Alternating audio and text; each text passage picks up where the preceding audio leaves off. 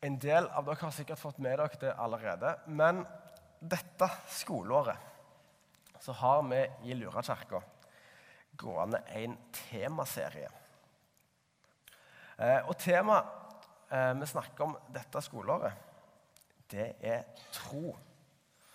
Så tenker du kanskje at det var ikke så sykt kontroversielt eh, når vi sitter her i kirka og snakker om tro. liksom.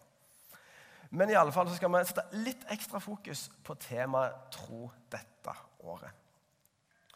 Eh, og Rent praktisk så strekker denne temaserien seg over 19 gudstjenester dette skoleåret.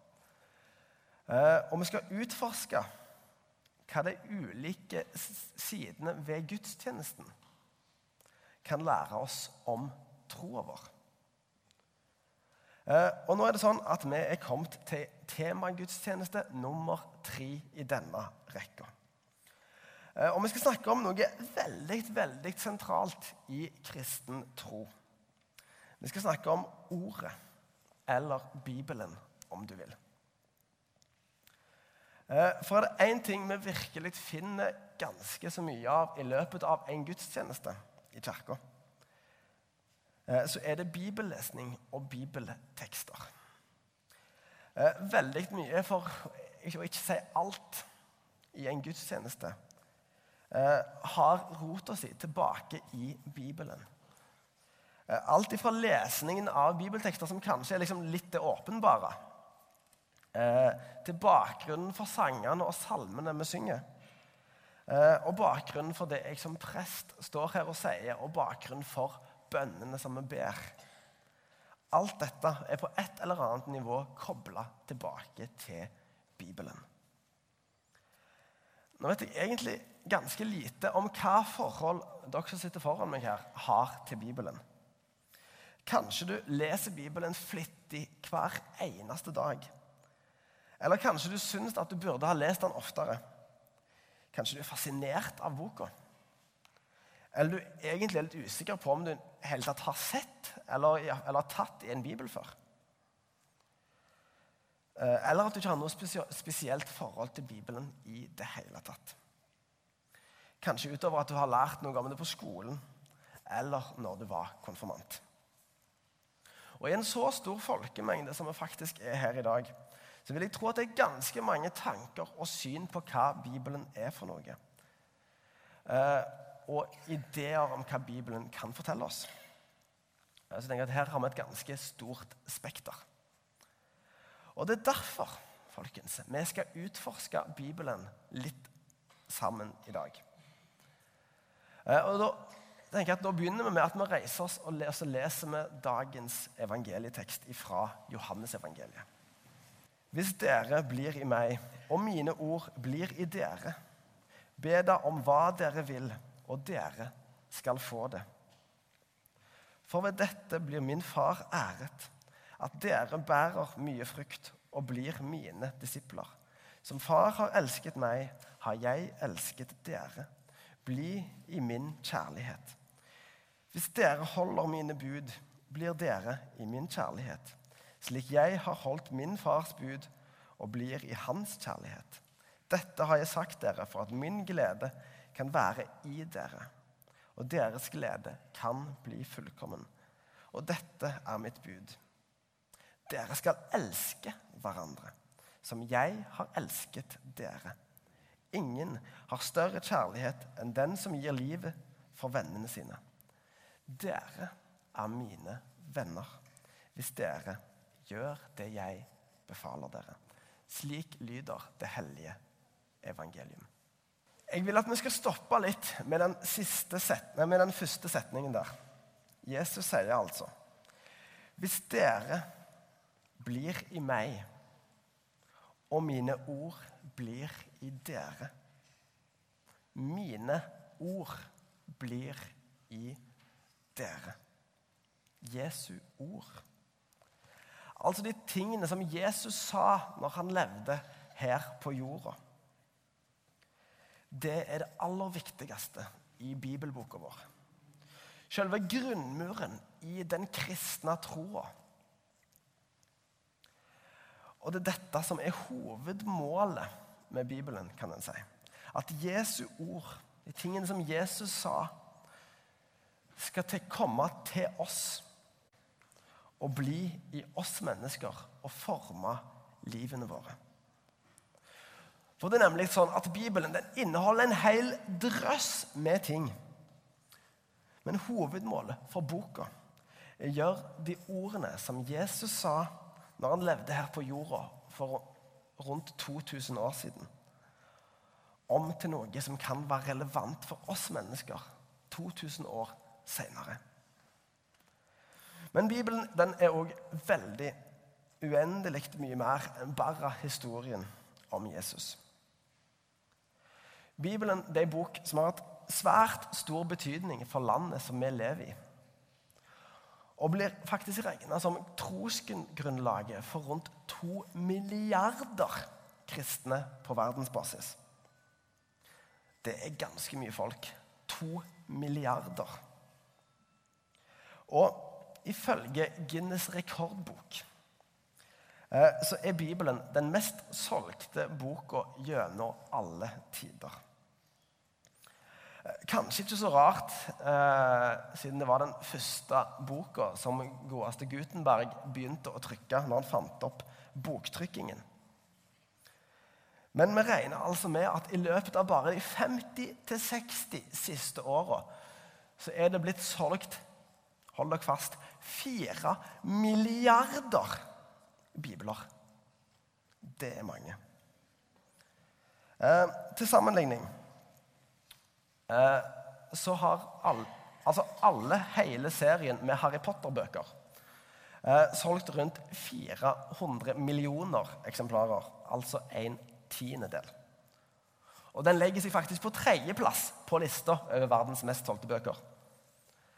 Eh, og det er faktisk solgt såpass mange bibler at en, ja, en nokså ny undersøkelse har vist at 67% 67 7% av Norges befolkning har en bibel hjemme stående i en bokhylle eller et eller annet. 67% Så Bibelen er ganske så utbredt bok. Eh, som de, altså de aller fleste har hjemme en eller annen plass. Men så oppstår kanskje problemet da når det kommer til bruk av denne boka. For av de 67 prosentene så er det bare 18% som har åpna den de siste året. Det er fortsatt en god del, men det er betydelig mindre. Eh, for hvis vi hopper tilbake til det, det vi kan kanskje nesten kalle for gamle dager eh, Da skal vi en del tiår tilbake. Eh, så var på en måte bibelkunnskap en veldig sentral del av det å bo i Norge. Derfor har på en måte mange bibelske begreper Sant? Begreper som David mot Goliat, Judas, Urias post og en del sånne begreper. Det er blitt en del av det norske språket. Eh, og blitt begreper utover det det brukes som i Bibelen. Men når færre leser Bibelen, eh, og ikke engang konfirmantundervisningen inneholder en form for eksamen lenger Det hadde vært veldig gøy for en, hadde det ikke det? Uh, vi skal tenke litt på det. Kan vi ikke tenke litt på det, Marianne? Nei da. Uh, men i alle fall så forsvinner da mye av forståelsen som ligger bak en del av disse begrepene. Mange av dere ungdommer har kanskje hørt eller til og med brukt noen av disse uttrykkene uten å egentlig vite historien bak. Men én ting er på en måte det språklige. Eh, for det gir på en måte mening at den mest solgte boka som eh, over to tredjedeler av nasjonen eier, eh, påvirker språket vårt. En annen ting er at det òg har påvirka våre verdier. De grunnleggende verdiene våre. Veldig mange av dem de stammer fra Bibelen. F.eks. nestekjærlighet, som handler om å elske menneskene rundt oss sånn som du elsker deg sjøl. At alle mennesker er like mye verdt. Bibelen har også en hel haug med moral, lover og tanker om hvordan vi mennesker kan leve et best mulig liv, og som har påvirka oss mennesker gjennom generasjoner. Så Bibelen er ganske sånn komplekse bok. Og allerede på første sida i Bibelen så kommer noen av de enorme temaene i Bibelen for en dag. For Bibelens hovedtemaer det handler om skapelse, liv, død og frelse. Svære greier. Men samtidig så du har disse svære temaene som på en måte er det gjennomgripende i Bibelen. Eh, så har du detaljerte forklaringer på hvordan israelittene for flere tusen år siden skulle bygge tempelet sitt. Eh, og eh, masse sånn vaktlister nesten på den israelske hæren. Er også en del informasjon som kanskje ikke oppleves fullt så nyttige. Bibelen er en bok som forteller oss mye om hvordan eh, vi bør oppføre, oss, og hvordan vi absolutt ikke bør oppføre oss. Hvordan vi skal forholde oss til andre mennesker, osv. Vi finner f.eks. leveregler som det du vil at andre skal gjøre mot deg, det skal du gjøre mot dem. Det som vi kjenner som den gylne regel. Det at Bibelen er så kompleks, den rommer så masse og har som mål å romme livene våre. Like mye, eh, Å romme livene til oss som leser Bibelen i dag, like mye som de vi kan lese om igjen. Eh, så har Bibelen et konstant behov for å bli modernisert i språket. En del av dere er sikkert klar over det, men Bibelen er opprinnelig skrevet på en gammel variant av gresk og på hebraisk. Eh, det gjør at vi eh, som er prester, vi må faktisk lære oss å forstå, i fall bruke disse språkene, for å komme bak oversettelsen. Eh, mange som har lest en bok som for opprinnelig Du har lest en bok på engelsk der, som opprinnelig er skrevet på engelsk. Hvis du da leser en oversatt til norsk etterpå, så merker du fort at her er det en del som har forsvunnet. Eller Hvis du ser på en film og du ser på tekstingen, sant, så merker du det er noe som mangler her. En del ordspill, en del poenger som på en måte ligger i språket. De har en tendens til å forsvinne når noe blir oversatt. Så Derfor gjelder det å komme bak. Um, og bevare den kunnskapen om de gamle språkene som Bibelen ble skrevet på for flere tusen år siden. Eh, selv om disse språkstudiene blant prestestudenter ofte eh, blir kalt for en ørkenvandring, eh, så er det likevel viktig. Men Bibelen blir i alle fall hele veien oversatt på ny. Både til nye språk og på de språkene den allerede eksisterer på. Nå har akkurat fått en ny, en ny samisk oversettelse, faktisk. Og vi fikk òg i 2011 to nye oversettelser på norsk, på nynorsk og bokmål. For å få et mer moderne språk som er lettere for oss som lever nå, å, å forstå. I dagens Norge så er det ganske fritt fram å eie en bibel. Det skjønner vi når 67% av oss eier en. Men det finnes faktisk en del land der det ikke er innafor i det hele tatt å eie en bibel. Og ikke, og ikke minst det å lese en bibel det er forbundet med ganske store fare. Dette skal dere som er konfirmanter, lære mer om når vi er på konfirmantleir i november. Men det finnes altså mennesker som er villige til å ofre alt de har, og utsette, utsette seg sjøl for livsfare for å ha en bibel. Og for å kunne leve etter det Bibelen forteller. Og når noe er så bra at noen er villig til å ofre livet for det, så burde det være verdt å lytte til. Men tilbake til denne kompleksiteten. Det at Bibelen inneholder så masse. Rommer hele livet i sine temaer. Det leder oss til det som er nærheten av hovedpoenget i Bibelen. Nemlig at Bibelen, Guds ord, skal bli en del av livene våre. Det er nemlig sånn at De fleste bøker som jeg har lest, de har jeg lest én gang. Eh, klart Det finnes et par bøker kanskje, som jeg liksom har lest et par ganger, som har vært sykt bra. Men det er veldig eh, få bøker jeg leser mange ganger.